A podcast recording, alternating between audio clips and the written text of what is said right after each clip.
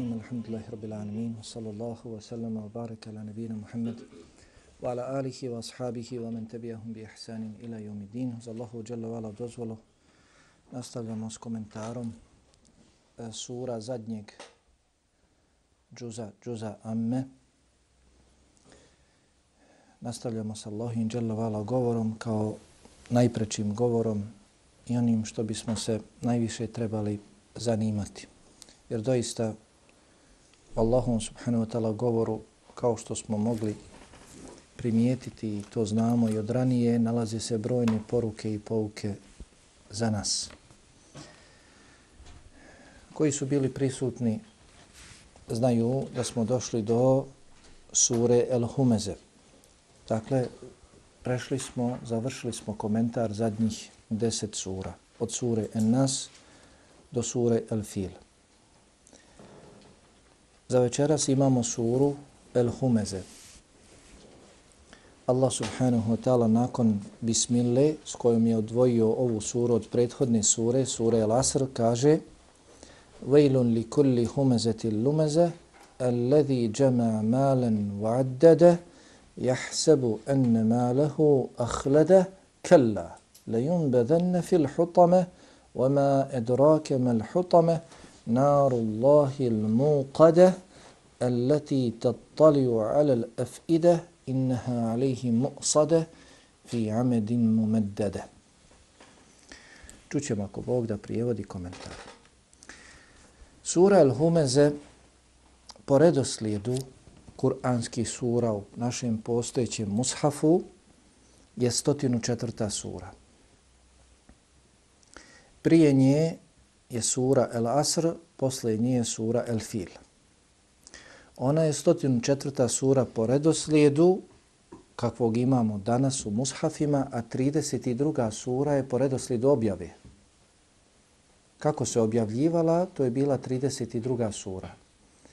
Prije nje je objavljena sura El Qiyama. Hm. Prije nje je objavljena sura El Qiyama, odnosno ona je objavljena Sura Al-Humeze je objavljena poslije sure Al-Qiyama. Međutim, u postojećim, jel tako, mushafima redoslijed je drugačiji. Imamo je nakon sure Al-Asr. Zašto? Čućemo. Dakle, svaka sura i svaki ajet u suri je sa razlogom, sa posebnom Allahovom mudrošću smješten na dotično mjesto.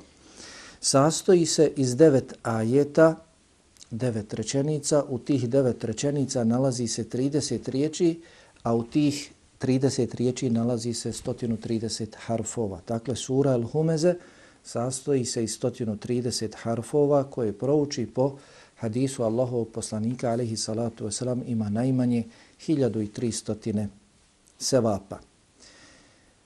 Jedno od njenih imena naziva je El-Humeze, kao što je kod nas jeli, tako i prevedeno jedno od imena ove sure je El Humeze i dobila je taj naziv po istoj riječi koja se spominje u prvom ajetu Vejlun li kulli humeze. Pa je sura dobila ime to humeze po toj riječi, odnosno po toj osobi. Vidjet ćemo na koga se misli, o kome se govori, Dakle, kada se spomine humeze, lumeze i cijela ova sura sa devet ajeta govori o tim ljudima. Zato i sura nosi naziv el humeze. Znači, svih devet ajeta govore o toj osobi. Spominje njene osobine i spominje šta je čeka zbog takvih osobina. Dakle, nijedan kuranski ajet od ovih devet ajeta iz ove sure ne govori o nečemu drugom, već govori o osobinama te osobe i šta čeka takvu osobu. Još kod komentatora spominje se ime El Hutama za ovu suru. Kod pojedinih komentatora spominje se još ime za ovu suru El Hutama. Ta riječ se također spominje u ovoj suri. Kao što kaže Allah subhanahu wa ta'ala, kella le yumbedenne fil hutame. El hutame, u četvrtom majetu. To je mjesto gdje će boraviti ova osoba. Opet je vezano za tu osobu. I Imam Buhari u svome sahihu, u knjizi o tefsiru, kada pojašnjava kratko ovu suru, kaže da joj je ime Vejlul li kulli humeze. Imam Buhari tako je još naziva. Vejlul li kulli humeze. Dakle, to su neka od imena ove, ove sure. Ibn Abbas radijallahu anhuma kaže da je sura Vejlul li kulli humezeti lumeze objavljena u Mekki i svi komentatori se slažu da je mekanska sura. Nema razilaženja među komentatorima Kur'ana. Svi se slažu da je to mekanska sura. Ona govori, kako rekao, tematika ove sure jeste spomen određenih loših karakternih osobina. Rekao sam prošli puta da od sure El Maun, a sad ćemo čuti kratko pojašnjenje, od sure El Maun, dakle sura El Maun, zatim Kureš, zatim sura Fil i ova sura El Humeze govore o lošem moralu, govore o lošim osobinama. Vjernik Dakle, i druge sure zasigurno govore, ali ovdje je došao redoslijedom, jedna za drugom. Jedna za drugom govore o lošim karakternim crtama, lošim osobinama kojih čovjek treba se vjernik, prije svega treba se, treba se klonuti. Pa dakle, i ova sura govori o lošim karakternim osobinama i to posebnim, posebnoj osobini. Toliko je prisutna, tako lahko prolazi kod ljudi, Allah obećava tako opasnu kaznu za nju govori o ljudima koji se ismijavaju s drugima, koji omalovažavaju druge, koji ih ogovaraju kada nisu prisutni, kada su prisutni i smijavaju se s njima, i smijavaju se sa njihovim izgledom, sa njihovim dijelima, sa njihovim riječima, koji omalovažavaju druge, množe ih s nulom. Zatim pojašnjava zbog čega ova sura pojašnjava zbog čega ljudi smijavaju druge uglavnom, zbog čega omalovažavaju druge. Zatim sura pojašnjava završetak takvih. Šta čeka takve? Šta čeka takve? Gdje će se nalaziti i hoće li ikada biti premješteni iz takvog mjesta, hoće li izaći iz, iz takvog mjesta? Prije ove sure došla je sura El-Asr. je Tako, poznato. A poznato nam je dobro o čemu govori sura El-Asr. To je sura koja se često, često spominje. Često se komentariše, često se u vazovima spominje. Allah subhanahu wa ta'ala u toj suri, 103. kuranskoj suri, kaže tako mi vremena, zaklinje se vremenom, svi će ljudi stradati. Tako mi vremena, svi će ljudi stradati. Zašto? Zato što ne ispunjavaju to svoje vrijeme kako treba. Zato će stradati. Ne ude računa o svojim životima. Tvoj život jeste tvoje vrijeme. Ne udiš računa, ode jedan dan, otišao je dio od tebe. Upropaštavaš vrijeme, upropaštavaš sebe. Upropaštavajući vrijeme, upropaštavaš sebe. Allah se zaklinje vremenom da ukaže na bitnost vremena. I ljudi će stradati zato što ne iskorištavaju vrijeme kako treba. Zatim, U trećem ajetu sure Al-Asr Allah pojašnjava ko će se spasiti, odnosno ko iskorištava vrijeme kako treba, odnosno čime iskoristiti vrijeme kako treba. Pa spominje on, osim onih koji vjeruju, koji čine dobra djela, koji preporučuju istinu i koji preporučuju strpljenje jedni drugima. Znači oni će se spasiti. Spominju se četiri osobine, je tako? Tako mi je vremena, svi će stradati osim onih koji budu vjerovali, koji budu činili dobra djela, koji budu preporučivali jedni drugima istinu i koji budu preporučivali jedni drugima strpljenje. Zatim dolaze četiri sure koje govore šta ljude odvodi do te propasti. Allah nakon što je se zakleo da će ljudi stradati, osim dobrih, koji na takav način ispune svoje vrijeme, dolaze četiri sure, jedna za drugom koje svaka od njih pojedinačno spominje određene loše osobine koje ljude odvode u džehennem strovaljuju. Pa pogledajte koju je prvu osobinu Allah spomenuo. Ismijavanje s drugim. Omalovažavanje drugih. Jeste širk, grijeh koji Allah ne oprašta. Inna Allahe la yagfiru yushrake bihi, wa yagfiru ma dune dalik. Allah neće oprostiti doista da mu se čini širk, da mu se neko smatra ravni, oprostit će ono što je manje od toga kome bude htio. Ali ovdje Allah subhanahu wa ta'ala govori o odnosu između ljudi. Pogledajte, sve jedna sura govori o tome. U svakoj od tih sura spominju se loše karakterne osobine. loš moral, loš ahlak. Pa možemo dakle shvatiti koliko je pogubno ismijavati se s ljudima. Allah subhanahu wa ta'ala odma kao prvo što će čovjeka najviše strovaliti, čovjek se ne obazire na to, smatra to šalom. Ljudi misle da je to nešto malo, a to je kod Allaha dželle i kako krupno. Pa Allah subhanahu wa ta'ala, dakle, zašto je, iako je sura El Humeze objavljena nakon sure El Qiyama, zašto je došla nakon sure El Asr? Zato što Allah subhanahu wa ta'ala u njoj pojašnjava šta će ljude strovaliti u džehennem i to poseban džehennem, posebnu kaznu u džehennemu. Ismijavanje, omalovažavanje s drugim ljudima. Odnosno, zašto to rade? Ova sura pojašnjava što se umisle imaju i metka, pa misle da su oni jedino bitni. Ima i metka, drugi nema i metka, drugi nije vrijedan, njega treba uvaložavati, smijavati, množiti ga snomom. Ha, pogledajte, sura El Humeze govori onima koji se uzdižu svojim imetkom, koji se hvališu svojim imetkom, koji smatraju da imetkom mogu kupiti sve. Onaj koji nema imetka nije vrijedan, ne treba da živi. U suri Fil dolazi spomen onih koji se uzdigli svojom snagom, svojom brojnošću. Hm. Zašto je nakon sure El Humeze došla sura Fil? Jasna veza. U suri El Humeze spominju se oni koji se uzdižu svojim imetkom. Alladhi jama'a malan wa addada, onaj koji svakodnevno, stalno, sa svih mogućih izvora, ne pita li halal ili haram, skuplja imetak i stalno ga prebrojava.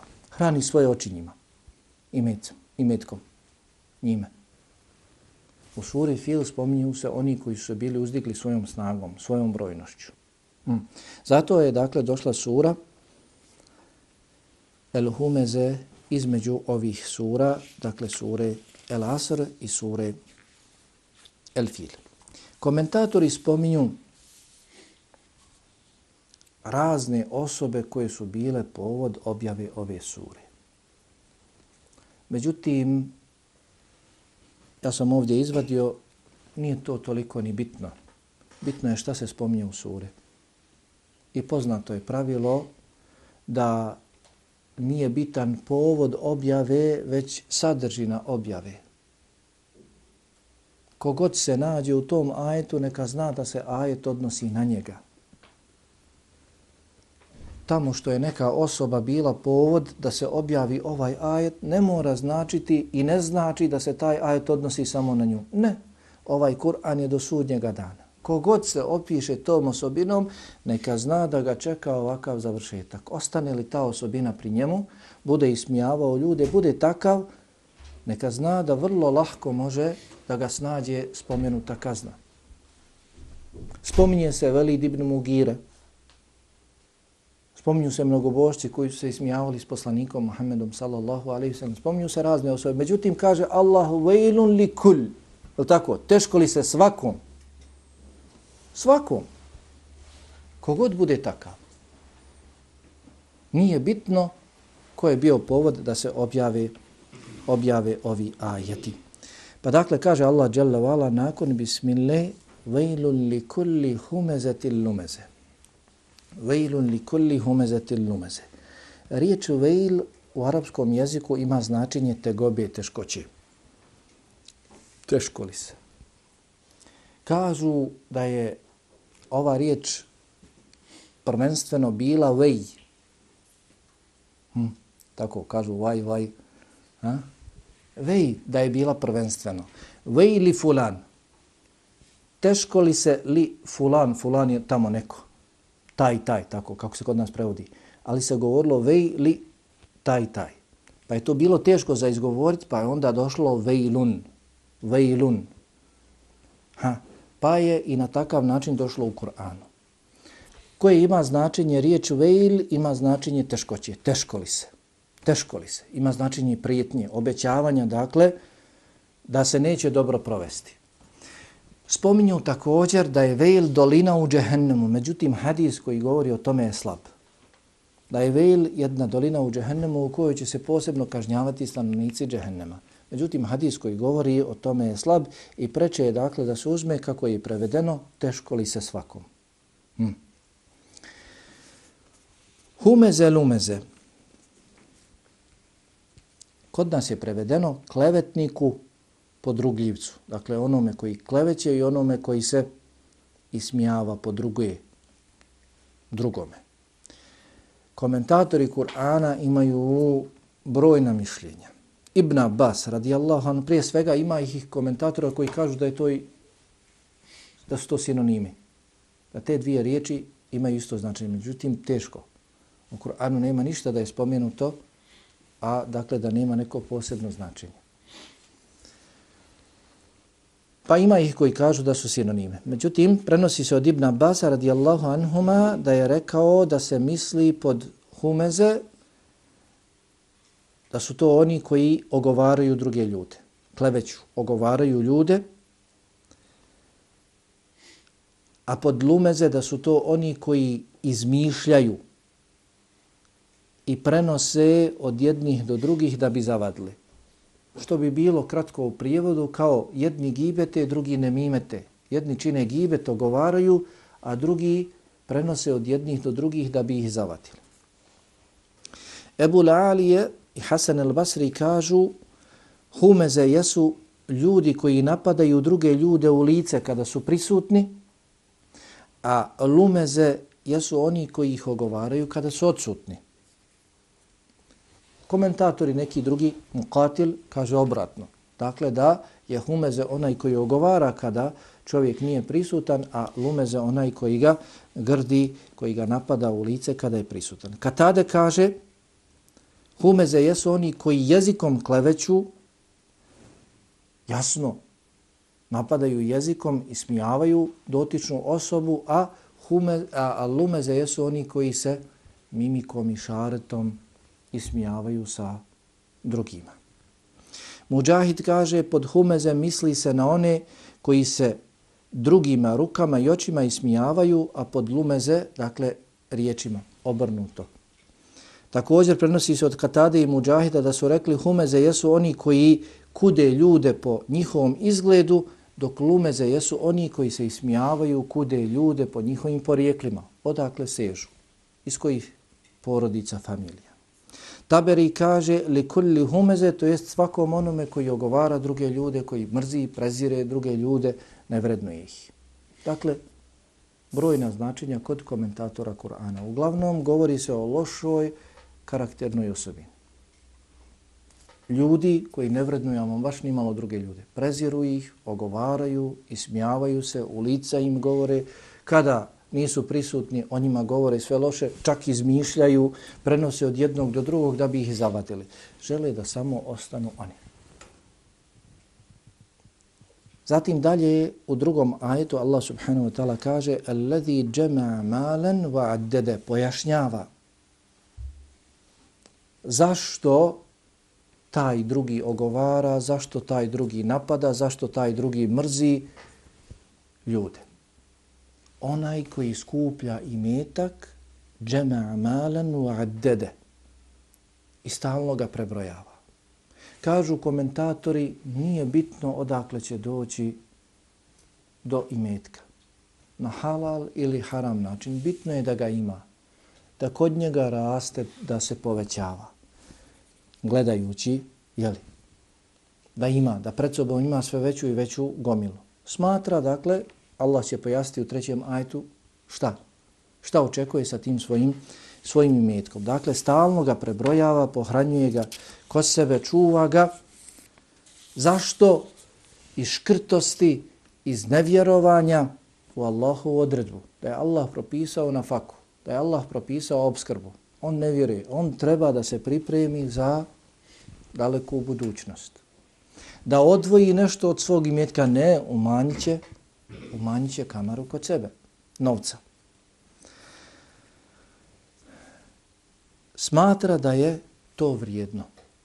Kao što Allah subhanahu wa ta'ala kasnije kaže u trećem majetu Jahsebu enne malahu ahlede. Smatra, računa, jahsebu od hisab, je tako poznata nam riječ, obračun jahsebu, smatra da će ga taj njegov imetak učiniti vječnim, da tim svojim imetkom može imati sve, pa čak i vječnost. Jahsebu enne malehu ahleda, da će ga njegov imetak učiniti vječnim. da može sve kupiti. Zato je imetak od njega vrijedan, zato ga ne interesuje kako, na koji način, odakle će doći sa imetkom. Njemu je bitno da ima. Jer misli da sa tim imetkom može kasnije imati sve. Zato oni koji nemaju imetka predmet su njegovog ismijavanja, ogovaranja, ni podaštavanja, prezira.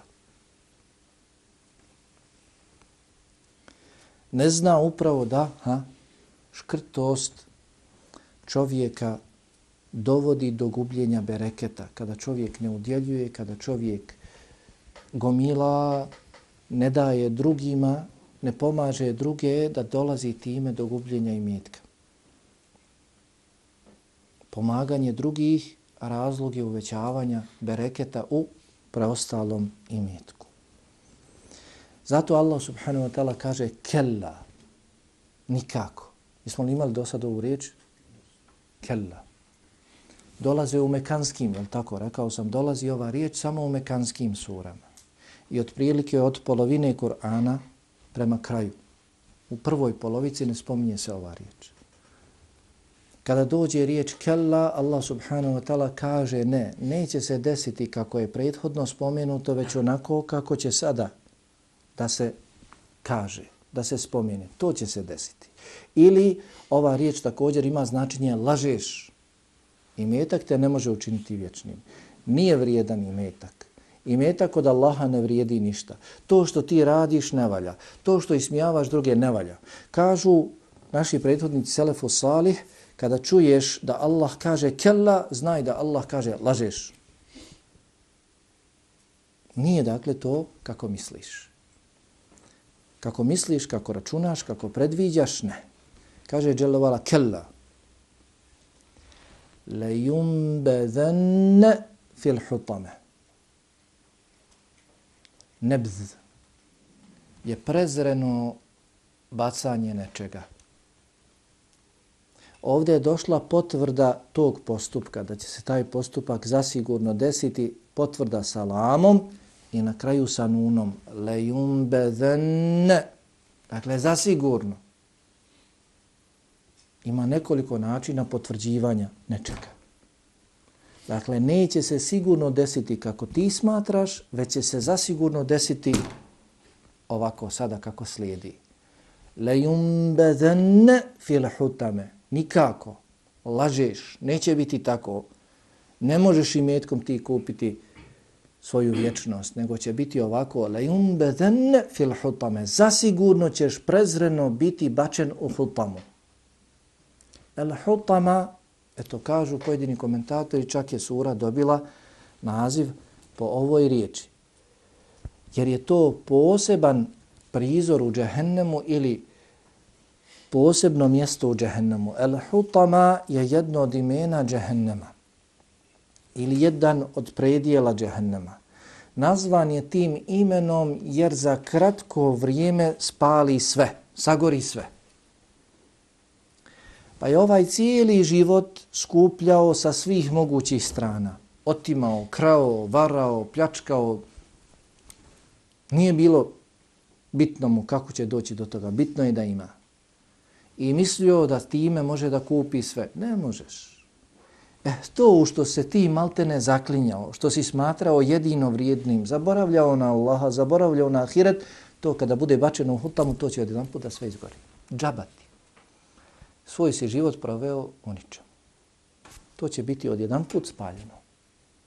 Nije Allah džaba izabrao dakle ovu riječ el hutama i ovaj predio u džehennemu to u čemu si ti proveo svoj život, kamo sreće, da si proveo život u zarađivanju i metka na halal način i da si ga trošio u halal stvari i da si njime pomagao Allahovu vjeru i Allahove robove potrebne, od toga bi imao koristi. Ovako, pff,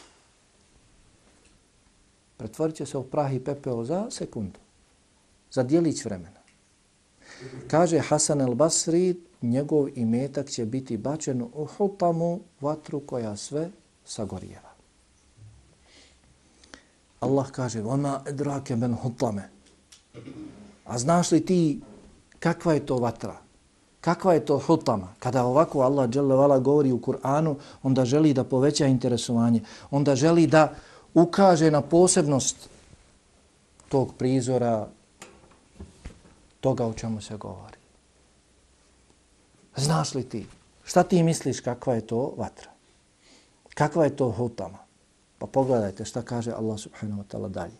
Kažu komentatori, e, i to bi trebalo jeli, pratiti, kad god Allah kaže u Kur'anu vema edrake, edrake u, u, u, u prošlom vremenu, judrike u sadašnjem vremenu, kad god Allah kaže u Kur'anu vema edrake, posle toga slijedi odgovor od njega, Allaha subhanahu wa ta'ala, on odgovara. A kada dođe vema judrike, ne dolazi odgovor. Hm? Pa vidjet ćemo, ili tako, imamo još sura u ovom džuzu gdje se mnogo spominje vema edrake. El Qarija, Mel Qarija, Oma edrake, Mel Qarija. Pa Allah subhanahu wa ta'ala spominje o tom e, prizoru na sudnjem danu.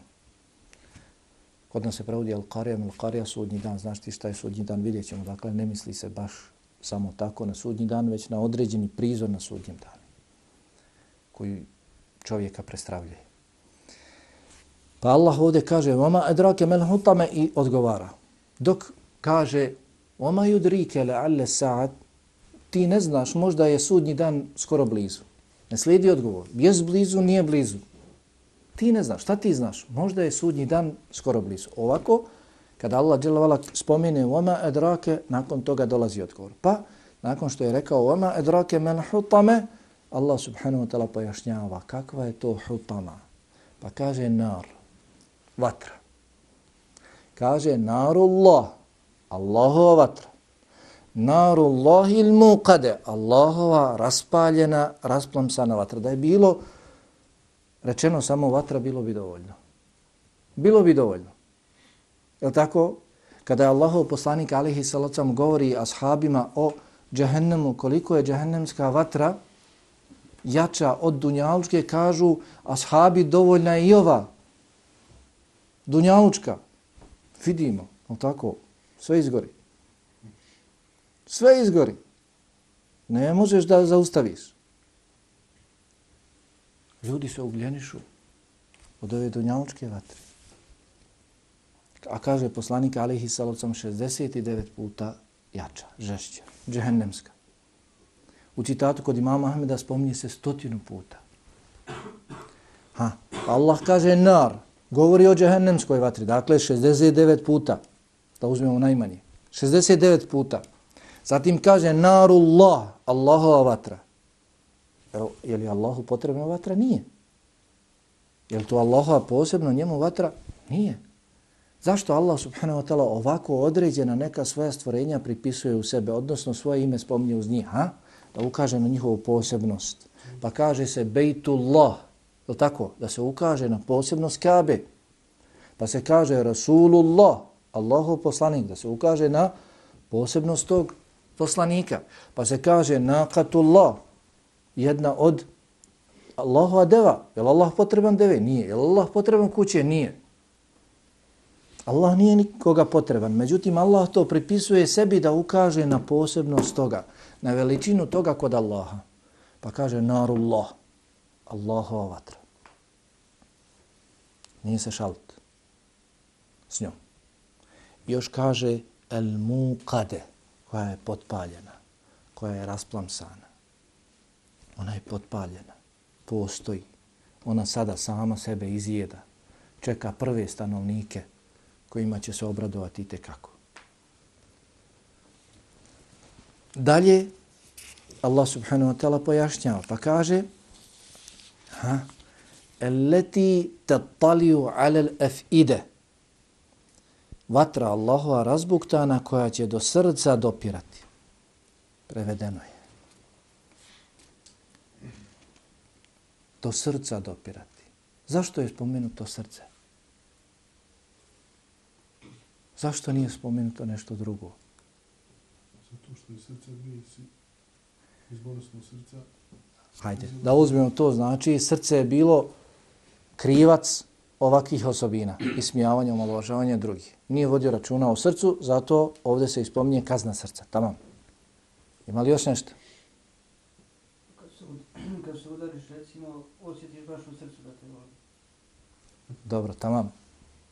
Ima još, Kad znači blizu si bio. Možeš sve da te zaboli i možda da nekako saniraš, da nekako amputiraš, da osjećaš, ali kad srce zaboli i kad dođe smrt srca, gotova je. Ne znam, su, ruka se počne sužiti, noga se, amputira se, ali kad umrtvi se srce, kada zamre srce, umre srce, gotovo je. Pa ova vatra će toliko biti jaka, snažna. Taj koji je mislio da može kupiti sebi vječnost, ova vatra će ga toliko pržiti da će osjetiti smrtne muke. Doće do njegovog srca, spaliti sve. Doći do njegovog srca i poželjeće daj da umre. Kažu komentatori Muhammed ibn Kab, kaže ova vatra će sagorjeti sva njihova tijela do srca, kad dopre do srca, ponovo će biti stvoreni. Pa opet, gori, gori, gori, gori, gori sve do srca. Pa opet, pa opet, pa opet. Kao na dunjalku, kao što srce, kada bol udari u srce čovjek uglavnom umire, tako će i oni u takvim stanjima biti. Skoro da umru i poželjet će da umru, međutim nema. U džahennemu nema. Mislio si vječnost. Jeste, dobio si vječnost. Ali na drugom mjestu, ne na dunjaluku. Kaže imam Kurtobi, ovdje su spomenuta srca, jer kada se srce razboli, kada srce osjeti veliku bol, brzo umire, tako da Allah dželovala ovdje obavještava da će se nalaziti u mukama, sličnim smrtnim mukama, međutim nikada neće umrijeti. Neće ni živjeti, ni umrijeti, već će se patiti. Ha, idemo dalje. Allah subhanahu wa ta'ala opisuje. Kaže, innaha alihim sade. Prevedeno je, ona će iznad njih biti zatvorena. Billahi alaikum. Tako vam Allaha. Je li vatra jača, snažnija, njena temperatura veća na otvorenom ili zatvorenom prostoru? Da se negdje ta ista vatra raspali i rasplamsa na otvorenom, ima gdje da se proširi. Ode. Ali u zatvorenom prostoru njena temperatura samo sve više i više se povećava. Pa kaže innaha alihim sade. Ona će biti iznad njih zatvorena. Biće zasvođena. Biće zatočeni u njoj. Neće moći izaći iz nje. Nikako. Zatim Allah subhanahu wa ta'ala dalje kaže hm? u devetom ajetu. Nakon što je rekao da je to Allahova vatra, da je ona rasplamsana, žesti se, kada budu ubačeni oni, sagorit će ih skroz doći do njihovih srca, zatim ponovo stvarati, ponovo doći do njihovih srca, neće umrijeti, patit će se, neće moći, bit će zatvoreni, neće moći izaći iz te vatre, iz te vatre nikako, I još kao potvrda da će sigurno, ha, priželjkivao si, jahsebu ennema lehu ahlede, smatrao je da će ga njegov imetak učiniti vječnim, e ti ćeš ovdje ostati vječno. Allah ponovo kaže, nakon što je rekao inneha alihim sade, ona će biti nad njima zatvorena, kaže fi amedim mumeddede. Kod nas je prevedeno plamenim stubovima, nigdje ne stoji plameni. Fi amedim mumeddede izduženim samo stubovima. Komentatori imaju nekoliko mišljenja. Jeste, spominju neki komentatori plamene stubove.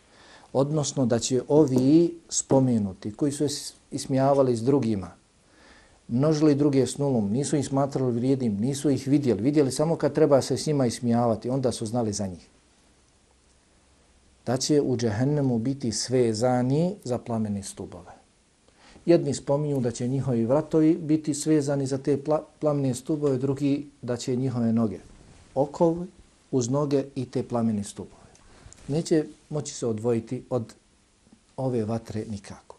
Drugi komentatori kažu, nakon u prethodnom majetu kaže da će biti zatvoreni u tu vatru ili da će biti zatvoreni u taj predio džehennema, kažu iza njihovi kapija bit će postavljeni stubovi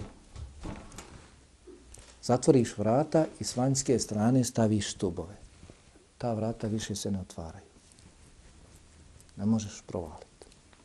Ume duge, izdužene, velike stubove. nakon što se zatvore kapije za njima, ubace se ovakvu nesnosnu patnju, iza vrata će se postaviti stubovi i nikada se više ta vrata neće, neće moći otvoriti. Komentatori spominju i to, i to značenje. Nekoliko pouka i poruka iz ove sure. Dakle, sura jasno upozorava na ogovaranje, na prenošenje tuđih riječi, ezijećenje, kratko, ezijećenje, uznemiravanje drugih na bilo koji način. I ova sura govori o lošim osobinama, o lošim ljudima, ovakvi ne smijemo biti. Ogovarati druge i smijavati druge po bilo čemu. Naši prethodnici, prethodnici koji su prethodili u dobru i pitanje je da li ćemo ih ikada stići, spominjali su zadivljujuće riječi. Kaže Omer ibn Abdelaziz, rahimehullahu ta'ala, poznat nam je Omer ibn Abdelaziz, ako hoćeš da budeš na putu vjerovjesnika Muhammeda sallallahu alaihi wa sallam, onda stariju osobu posmatraj kao svoga babu. Uzmi stariju osobu koju sretneš na putu kao svoga babu, mlađu osobu kao svoga sina, mlađu od tebe, kao svoje dijete, svoga sina, a onoga koji je isti godina kao ti, kao svoga brata, kome bi volio od njih da učiniš nešto nažao? Koga bi volio da uznemiravaš? Svoga babu, svoje dijete, svoga rođenog brata? Nikoga. E isto tako nemoj ni bilo koga drugog uznemiravati. Bi on stariji, mlađi ili tvojih godina. Kaže Jahe ibn Maz, Ar-Razi, rahimahullahu ta'ala, prema svakom vjerniku ponašaj se na sljedeća tri načina. Ako mu ne možeš pomoći, nemoj mu ni odmagati. Ne možeš mu pomoći, nemoj mu ni odmagati. Ne možeš ga razveseliti, nemoj ga ni rastuživati. Ne znaš ga pohvaliti, nemoj ga ni kuditi. Fudail ibn Jad, rahimahullahu ta'ala, kaže nije ti dozvoljeno bespravno da uznemiravaš psa ili svinju kako da ti bude dozvoljeno da bespravno uznemiravaš čovjeka Allahovo najbolje stvorenje.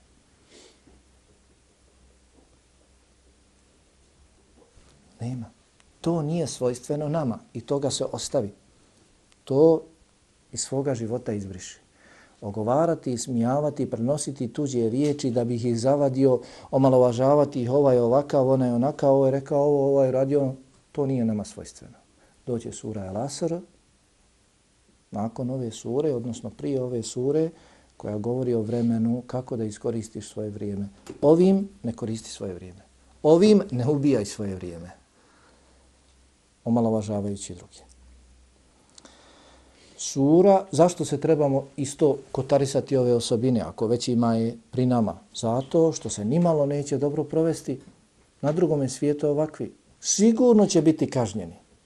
Sigurno će biti kažnjeni. Ko bude ismijavao, malaužavao druge, Allah subhanahu wa ta'ala takve će sigurno kazniti. Zatim sura pojašnjava da koliko god čovjek imao imetka, da njegov imetak mu ne može produžiti život. Pogotovo ako budeš krtario u tom imetku. Bude li udjeljivao, bude li tim imetkom jačao svoje, pogotovo rodbinske veze, to može produžiti život. Gomilanje na jednu kamaru imetka, to mu neće produžiti život sigurno. Bude li udjeljivao imetak naročito potrebnima, naročito i svoje rodbine, to mu može produžiti, odnosno Poznato je tako da održavanje rodbinskih veza i dova produžuju život. Pa ima učenjaka koji kažu doslovno da produžuje život. Ima ih koji kažu da zbog toga Allah daje ti bereketa u životu pa za svoj kratak životni vijek uradiš nešto što drugi nisu mogli uraditi, a živjeli su i živjeli. Kao znači faktički da si i ti živio toliko godina dugo, jer si ostvario, postigao. Onaj koji misli da može i metkom kupiti život, ne. Onaj koji misli da bilo čime može produžiti sebi život na nedozvoljen način, ne. Neka zna da posle toga dolaze riječi kella. Ne može tako. Sigurno nije tako. Već će biti onako kako, kako Allah je odredio. Vidimo da i metak čovjeka može obmanuti, da zaboravi na ahiret. Ne može čovjek, makar imao i metka, da ga taj imetak ponese pa da omalovažava i smijava druge, a zna posljedicu na ahiretu toga. Imetak može dakle čovjeka vrlo lahko obmanuti po pitanju ahireta. Onaj koji ne razmišlja o svome ahiretu, onaj koji se prepusti svome imetku, može ga, jeli zasigurno, udaljiti od ahireta, odnosno sutra da bude mu i kako velika nedaća na ahiretu. Vidimo iz ove kuranske sure da je nagrada shodna dijelu. Kako si radio, tako ćeš biti i nagrađen. Smatrao si da vječno ćeš ostati na Dunjaluku, ostaćeš ti vječno na Ahiretu, ali kako? Ismijavao si se, omalovažavao s drugima, Allah će tebe omalovažiti na drugome svijetu Ahiretu.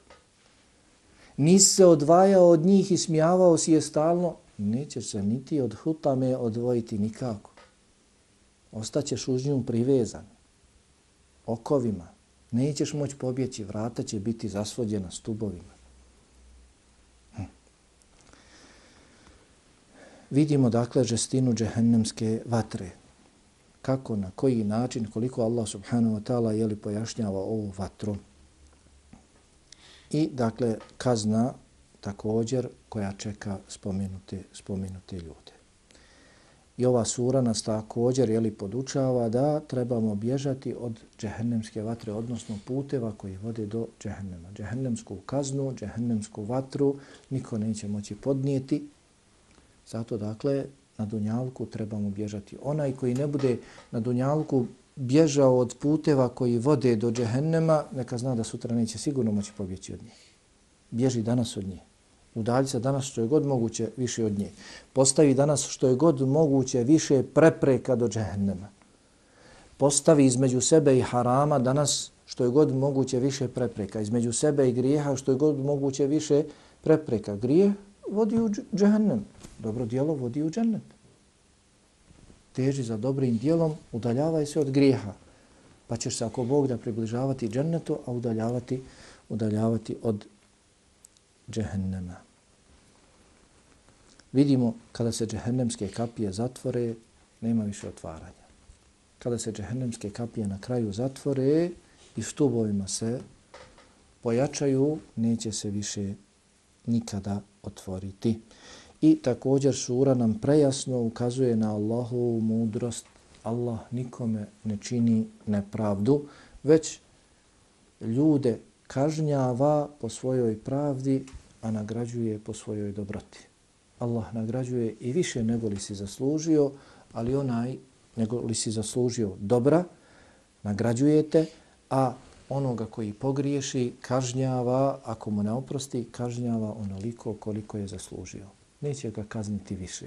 Za razliku, dakle, kada nagrađuje. Kada nagrađuje, nagradit će, kaže, od 10 do 700 puta pa i više. Kome bude htio